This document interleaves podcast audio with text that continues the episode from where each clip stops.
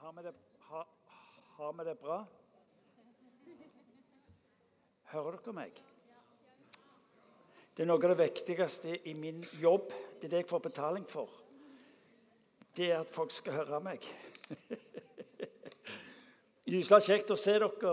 Og eh, jeg har sett fram både til denne søndagen og denne kvelden til å være sammen med dere. fordi at jeg, Noe av det som fascinerer meg med å være en Jesus-etterfølger, det er denne vanvittige tanken at Gud faktisk er opptatt med at ditt og mitt liv skal lykkes. Tenk den tanken. Allmaktens Gud har et ønske for ditt liv, og det er at du skal lykkes. Det er altfor mange som tror at Gud er på lei etter å finne svakheten i livet ditt. Som tror Gud er opptatt med å finne det som skulle vært annerledes i livet ditt. Som går rundt og tror at Gud er opptatt med én ting. det er Han sitter i sin himmel, og så ser han ned på denne kloden, og så finner han mennesker, og så er det sånn at Se der! Der er en som gjorde feil! Ta han! Og folk, folk orker jo ikke gå i kirka, for hvis de går i kirka jo, du får høre at du kan. Og så en Gud som etter dem.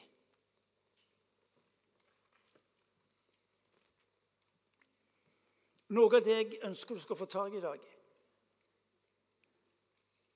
det er dette vanvittige at Gud er i bevegelse mot deg. At den Gud som vi som kristne tror på, er ikke opptatt med å frarøve og stjele, men han er opptatt med én ting. Det å møte deg som menneske der du er, for at du skal få tak i og hør etter hvor mye han elsker deg. Når Jesus Kristus dør på et kors, så er det fordi at du skal vite en gang og for alltid at så høyt elsker han. Ikke bare ord om kjærlighet, ikke bare velmente råd om det gode livet.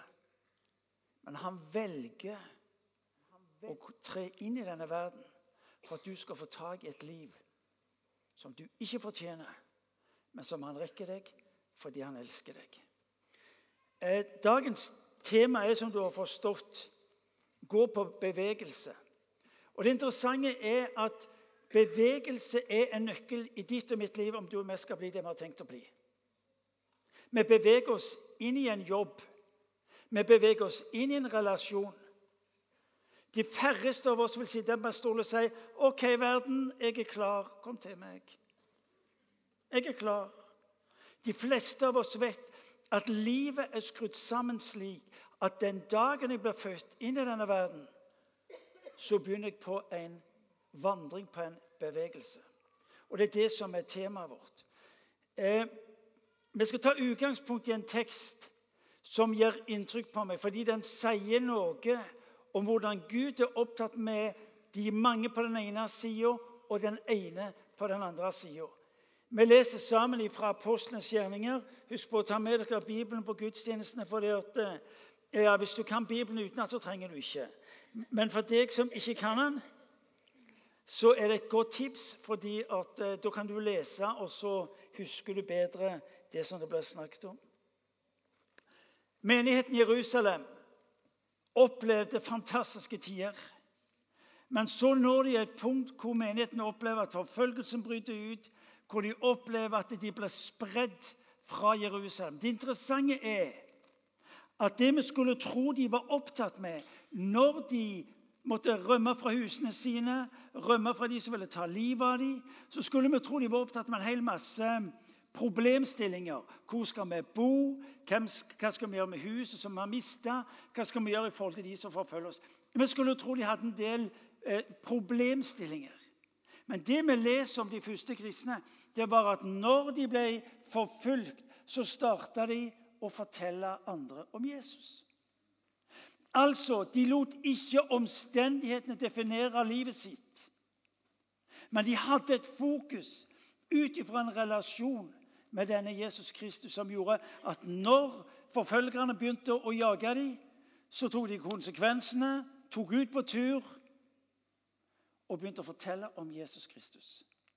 Og det skal du vite, at denne kirka, urkirkens historie, den starter ikke med de store massene. først og fremst. Den starter med at enkeltmennesker, familier, brøyt opp og tok med seg ordet om Jesus Kristus. Og så leser vi da om en Philip. Philip var en av de som tok ut fordi forfølgelsen kom.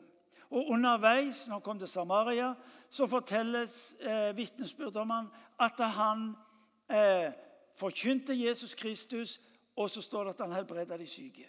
Altså Det var noe som fulgte urkirken. Og så leser vi at da de hørte Philip tale og så de tegnene han gjorde, så var det mange som ville høre på han. Eh, og så står det noe Det ble stor glede i byen. Vi har en drøm for Imi kirka sin virksomhet i Stavanger at det skal bli stor glede i denne byen fordi de forstår hvem Jesus Kristus er. At han er for mennesket, og at han ønsker det beste for menneskene i denne byen. Uh, Jesus was the talk of the town, står det i en engelsk oversettelse. Jeg liker den der. Jesus is the talk of the town. Alle snakker om denne Jesus. Uh, ikke bare de såkalte religiøse nuts, men uh, vettuge, fornuftige mennesker som meg og noen andre. Så står det en dag om Philip. Mer, der han holder på med vekkelsen, der det skjer mye spennende, så kommer en dag Gud til han ved en engel, og så taler han til Philip, og så sier han, 'Gjør deg klar', sier han til Philip, 'og dra sørover på veien fra Jerusalem til Gaza'. Det er en øde strekning. Philip har det fenomenalt der han er. Vi leser om dette i Apostelens gjerning, kapittel 8, fra vers 26.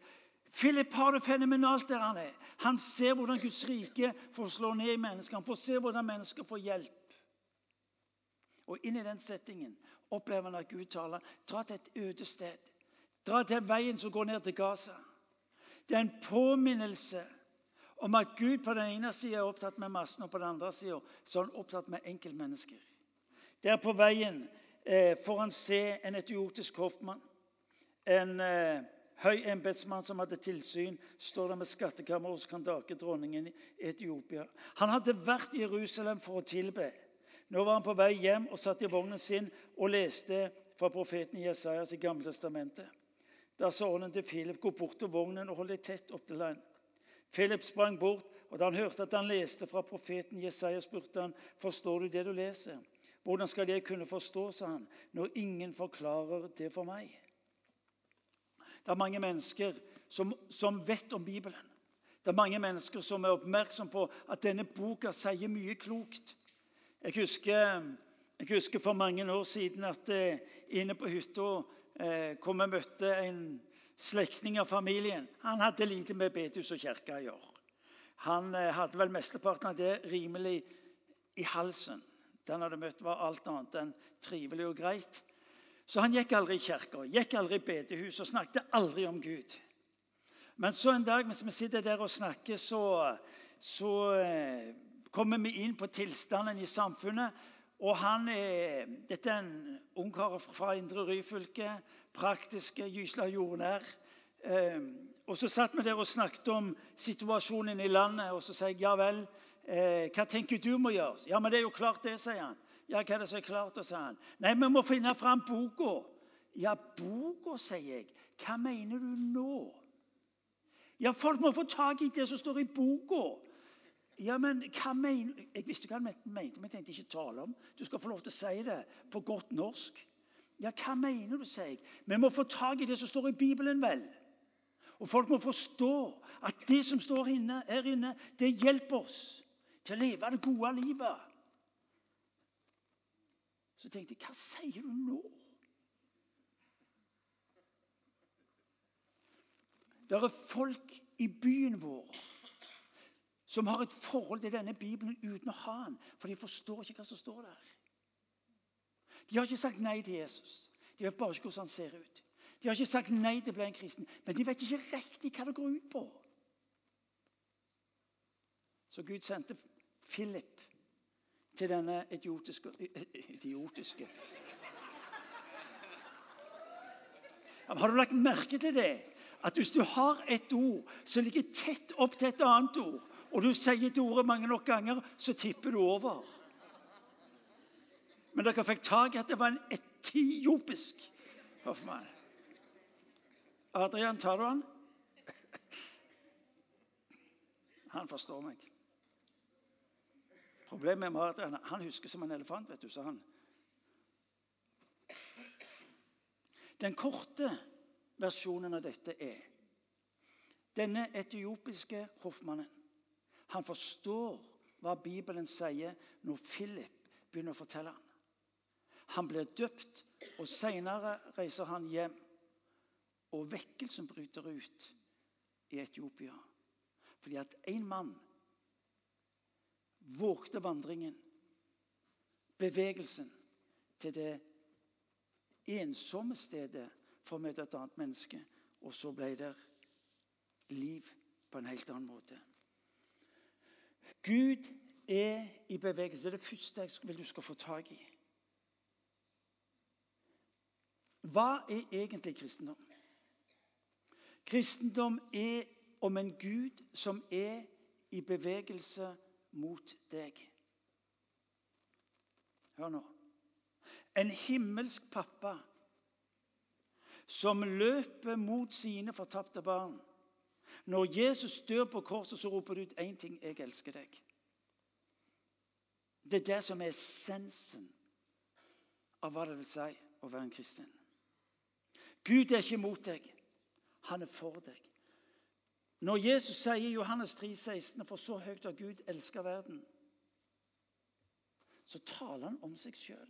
Så høyt elsker Gud den allmektige at han sender meg for å dø i ditt sted, for at du skal slippe å dø. For at hver de som tror på Jesus, ikke skal gå fortapt. Det, og hør nå, det som Gud har mot deg, det fanger Jesus opp. Alle mennesker blir født inn i verden med et grunnleggende problem synd.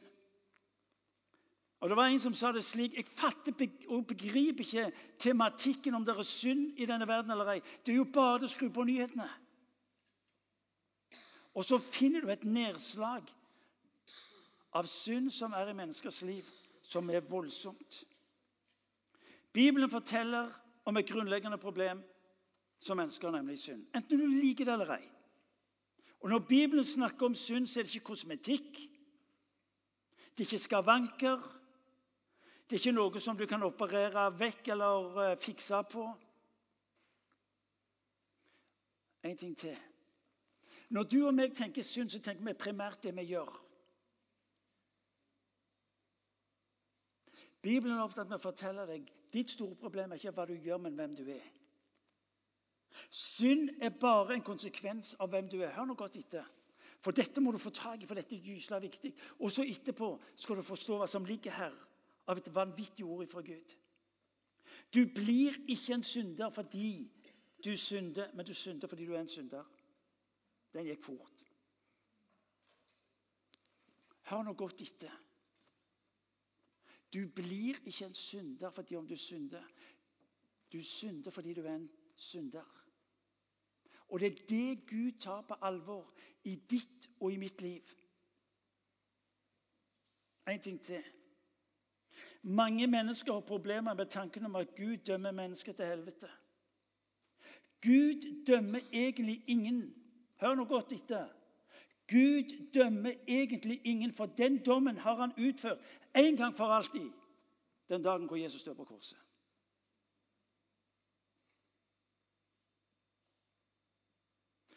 Gud får skylda for noe som mennesket gjør.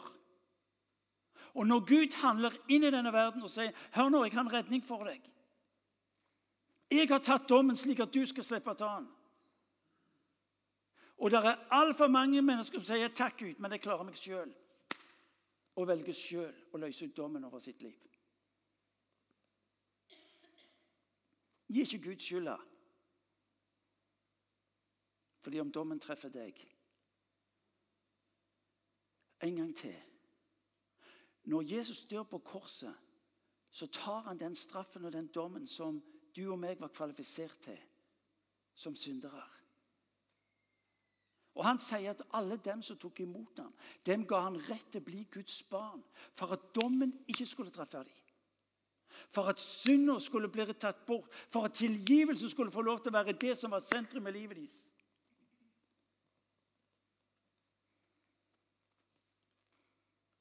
Guds store fortvilelse er at mennesker sier nei takk, Gud. Jeg er ikke religiøs. Går ikke i kirke eller bedehus. Ikke opptatt med det du holder på med.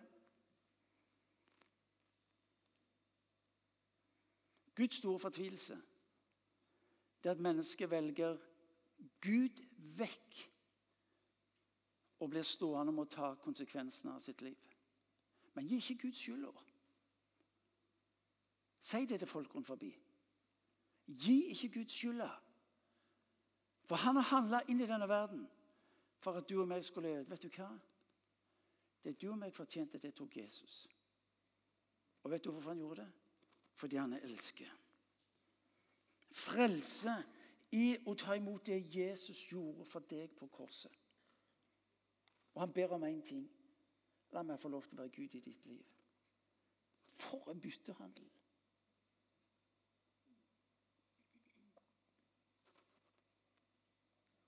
Guds bevegelse har ett mål.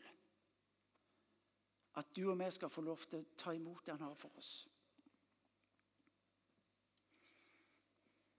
Guds bevegelse har et mål himmelen. Du og meg, det vet vi, skal ikke være på jorda for alltid. Det er interessant, Har du lagt merke til det? Så på en undersøkelse, spørreundersøkelse i sommer, og det ble spurt om folk trodde på liv etter døden. så Flesteparten svarte nei, de visste ikke, men de tok det så det kom.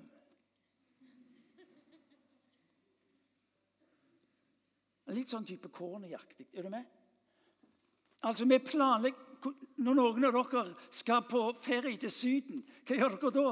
'Hvor skal du hen i neste uke?' 'Jeg skal til Syden.' 'Ja, Har du bestilt noe?' 'Nei.' 'Jeg vet jo ikke hvor du skal være Henne. 'Nei.' Ja, hva gjør du da? 'Nei, jeg tar det så det kommer.' Ja, hva mener du med det?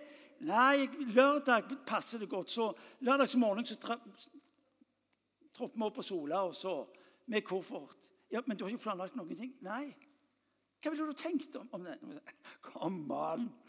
Et eller annet må du få i gir. Og det er over snippen. Vi hadde sagt det. Jeg, jeg mener det. Kom, du, du er idiot. Et, ikke etioper, men idiot. Men når du kommer til himmelen, så sier vi ja, men du, det tar jeg så det kommer.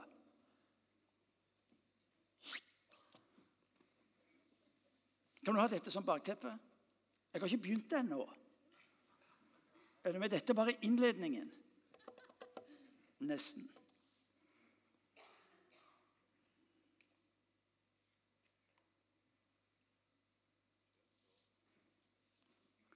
Bibelen sier du er velsigna for å være til velsignelse. Og det starter med Gud. Tre enkle linjer først. Når Bibelen taler om bevegelse, så tales det om en Gud som er i bevegelse mot deg. Det er ikke slik at det starter med at du søker Gud.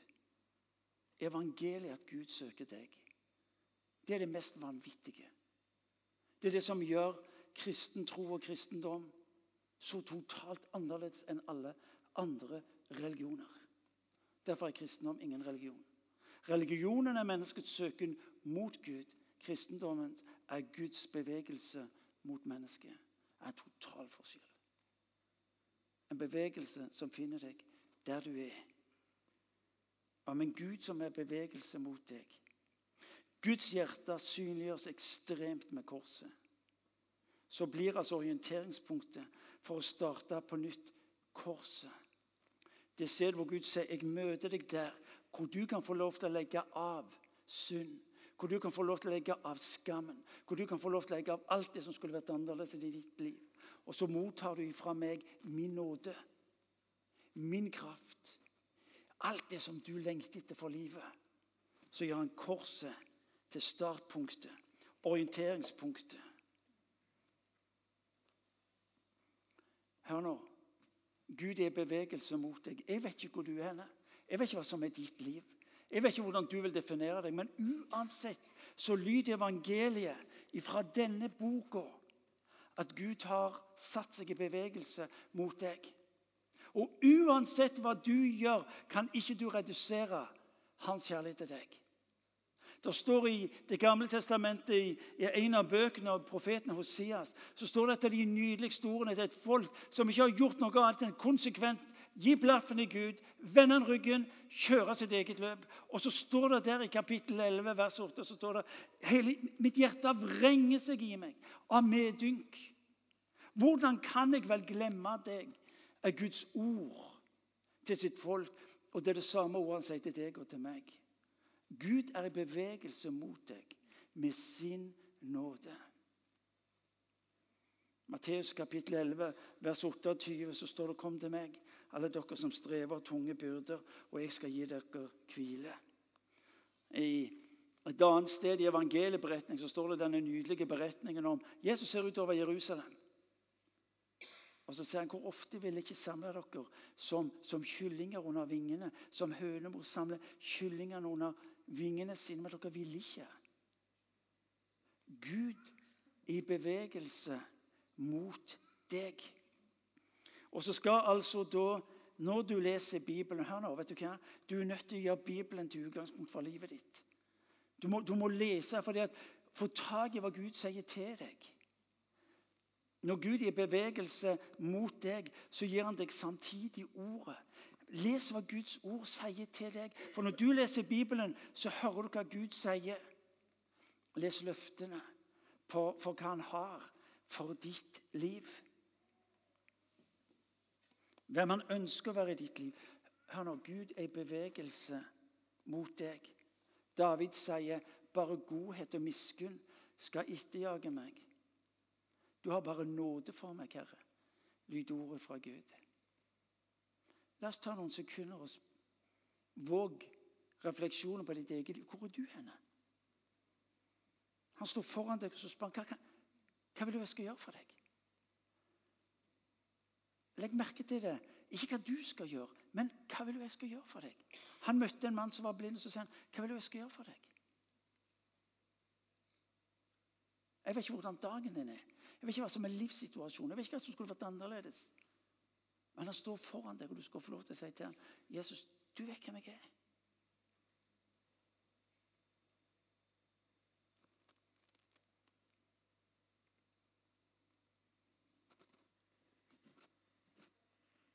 Jesus, du kjenner oss her vi sitter. Du vet hvem vi er som enkeltmennesker. Jeg ber at du skal overbevise den enkelte som sitter her i salen, at du er du beveger seg mot dem fordi du elsker.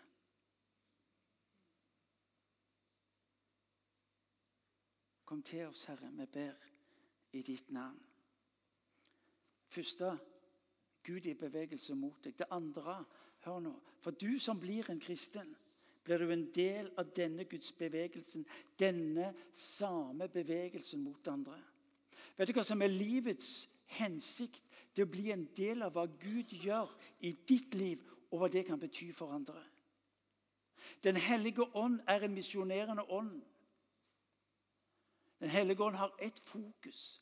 Det å ta av det Jesus gjorde, sa gjorde, for at du og meg skulle springe videre med det til andre. Å bli en kristen er blitt satt inn i denne samme bevegelsen. Du er kalt til noe langt mer enn å gjennomføre et liv. Å bli en kristen er begynnelsen på en helt ny vandring. Det er naturstridig å stoppe opp. Velsignet for å velsigne. Gjøre hans gjerninger. Kirka sitt mål har aldri vært å drive med rekruttering eller verving. Kirkas mål er å hjelpe mennesker så de gjør en erfaring av at Gud er god. Kirkas mål har som oppgave at mennesker skal erfare at Gud er i bevegelse imot dem og ønsker å rekke dem sin kjærlighet. Det er dette Paulus sier i 2. brev til Korinterne kapittel 5. Kristi kjærlighet tvinger meg. Det ubegripelige. Det, det er nesten sånn skulle du tenkt at det, det er greit at han dør for de som fortjener det. Han dør ikke for de som fortjener det. Han dør for oss alle. Og det er greit, sier noen, at de kan han bruke. Og så begynner vi å sortere om hvem han kan bruke. Og så sier nei. I det øyeblikket, i det øyeblikket du tar imot min nåde, i det øyeblikket blir du en del av mitt team hvis mål er å berøre andre mennesker. Og Når du er opptatt med å fortelle vår Herre om alt som skulle vært annerledes i ditt liv, så sier han det vet jeg om, du trenger ikke bry deg. Det er ikke det som er mitt utgangspunkt. Mitt utgangspunkt for å bruke deg, det er det som jeg gjør i ditt liv. Det er nåde, folkens. Det er nåde. Kjære Gud, altså. Om du og jeg kunne slutte med disse gyselige regnestykkene på eget liv som diskvalifiserte oss. Når han inviterer deg inn til å bli en del av hva han gjør i denne verden, så er det fordi han sjøl vet hva han legger ned i ditt liv, som skal ha betydning, velsignet for å velsigne.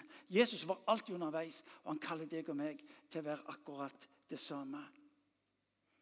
Å bli en kristen er ikke å komme til Jesus og så bli stående stille. Å bli en kristen og bli en disippel som ønsker å være en del av det Gud gjør i denne verden, slik at verden kan se og tro. Nåden er grunnlaget for disippelen, for å bygge livet vårt. Og så skal vi altså få lov til å se mennesker berøres. Ser du bevegelsen? Når Gud taler inn i denne verden, så taler han om en Gud som er bevegelse mot deg og meg. Det er den første viktige bevegelsen. Den andre bevegelsen er der du og meg blir en del av den bevegelsen som så eh, fortsetter mot menneskene rundt oss, mot de andre. Hvorfor kirke? Det siste ordet som Jesus sa til kirka, det var 'gå'. Kom i bevegelse. Det var Jesus' siste ord. Gå ut i all verden og gjør alle folkeslag til mine disipler. I det dere døper den Faderens, Sønnens og Den hellige ånds navn. Lære dem å holde alt som jeg har befalt dere. Gå. Kirka eksisterer for én primær grunn. Det hjelper mennesker til et møte med Jesus under himmelen. Alt kokes ned til det. Alt annet er bonus. Er du med? Vet du hva, det, vet du hva som Nei, du får ikke tak i det. Hvis du hadde fått tak i dette, så hadde du stått på stolen og du hadde hylt av bare begeistring. Er du med? Når Gud handler inn i denne verden, så er det ikke primært med tanke på produksjon, men med tanke på relasjon. Han kommer meg i møte. Og så sier han til menigheten i Korint her Gud sendte sin sønn for at vi skulle ha samfunn med han. Fellesskap, relasjon. Og ut ifra relasjonen kommer alt det andre. Men det er bonusen. Det er bonusen. Kirka har et gå over sitt liv, det å komme i bevegelse. Hvorfor er det viktig for Kirka å komme i bevegelse? Jo, for nettopp ved det blir den også en del av det som Gud gjør inn i og mellom menneskene. Jesus var villig til en vanvittig lidelse for mennesket. Du og meg blir en del også av den lidelsen.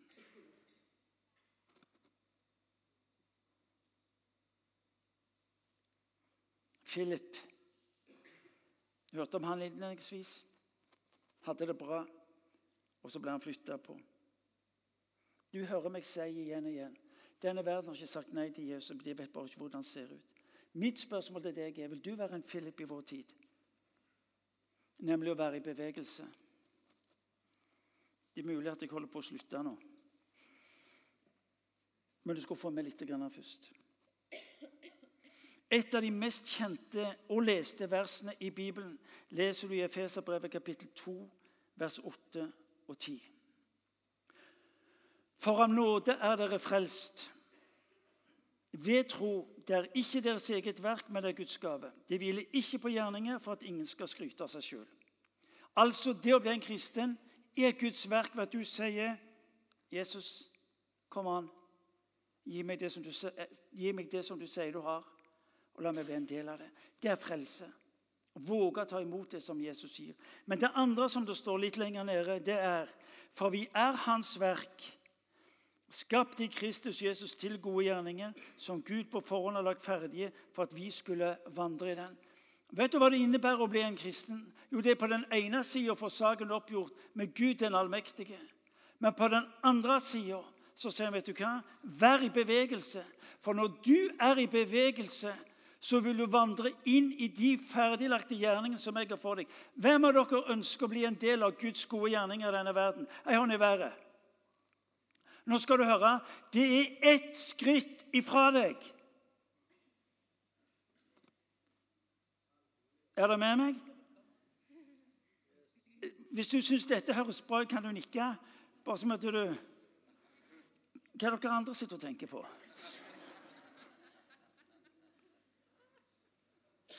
Hvis du vil være en del av Guds gode gjerning i denne verden, så er den altså ett skritt unna.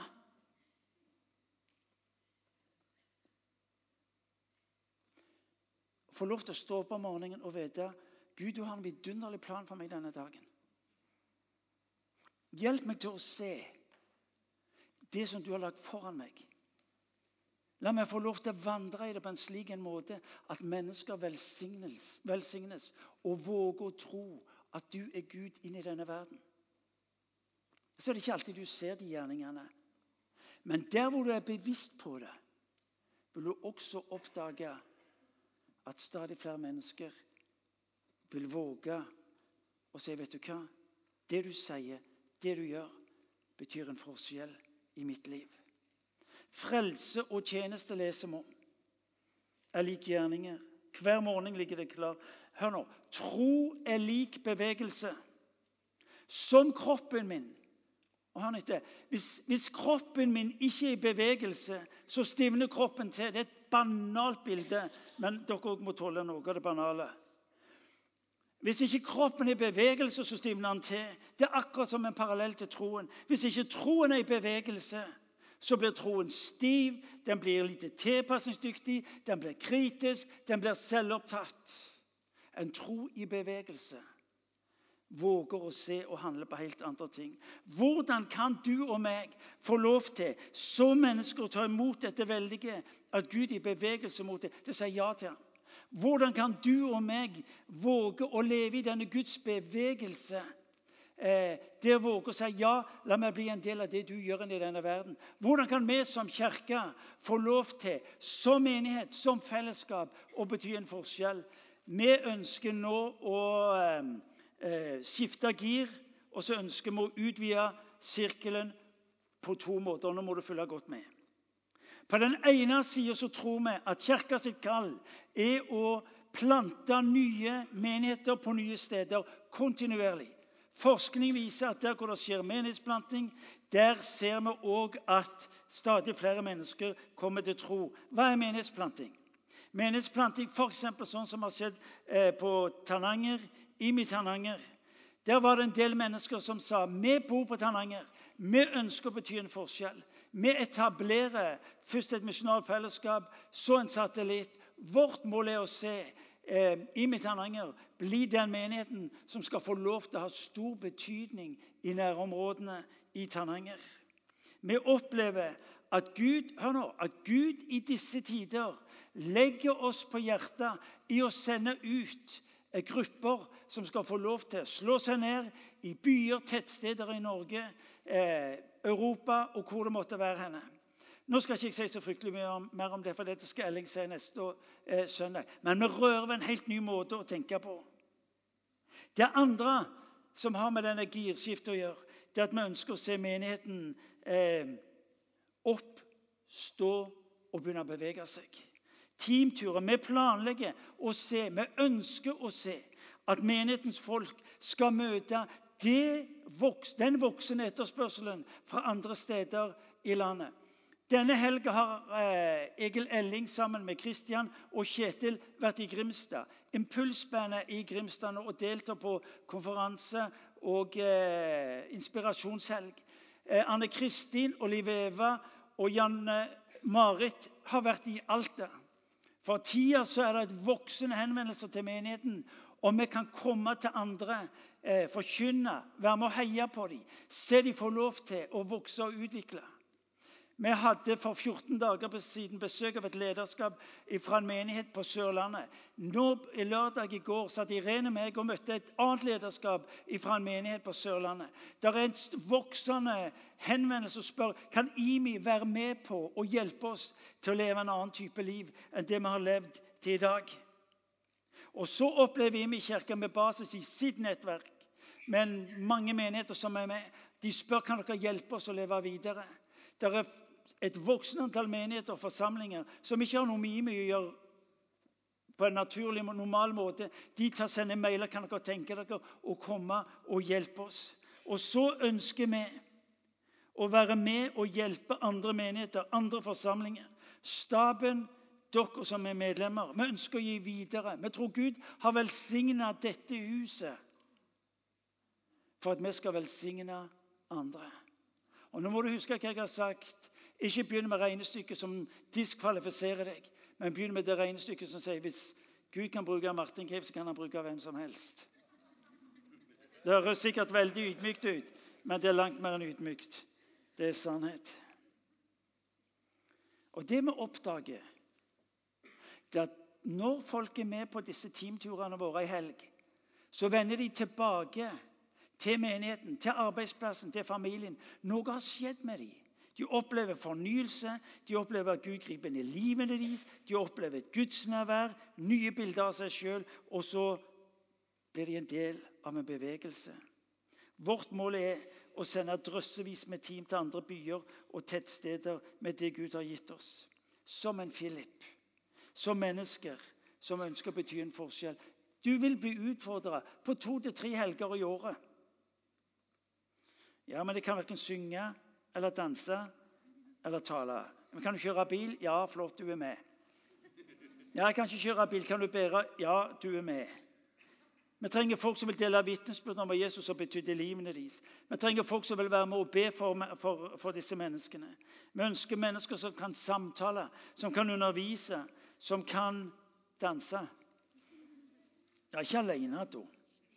Det som er poenget, det er at når vi reiser ut som team, skjer det noe mellom oss. Det skjer noe på de stedene vi kommer til, og det skjer ikke minst noe med den enkelte av oss eh, når vi kommer hjem. Jeg skal slutte.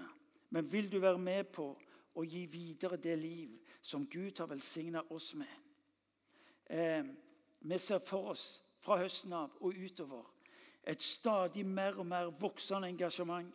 Eh, for å bety en forskjell der ute. Vårt mål har aldri vært primært å fylle opp dette huset. Vårt mål er primært å se landet vårt primært berørt av evangeliet. Vi ønsker å se Randaberg, Sandnes, Sola, andre byer i Norge. Vi ønsker å se disse stedene berørt av evangeliet på en helt ny måte. Ja, er det vår oppgave alene? Nei. Men det er samtidig vår oppgave sammen med de andre. Da dere kom inn, så fikk dere dette kortet. Hvor sender Gud oss? Det jeg vil utfordre deg å gjøre, det er det er tre eh, områder. Det ene er for mer informasjon om teamturer i Norge.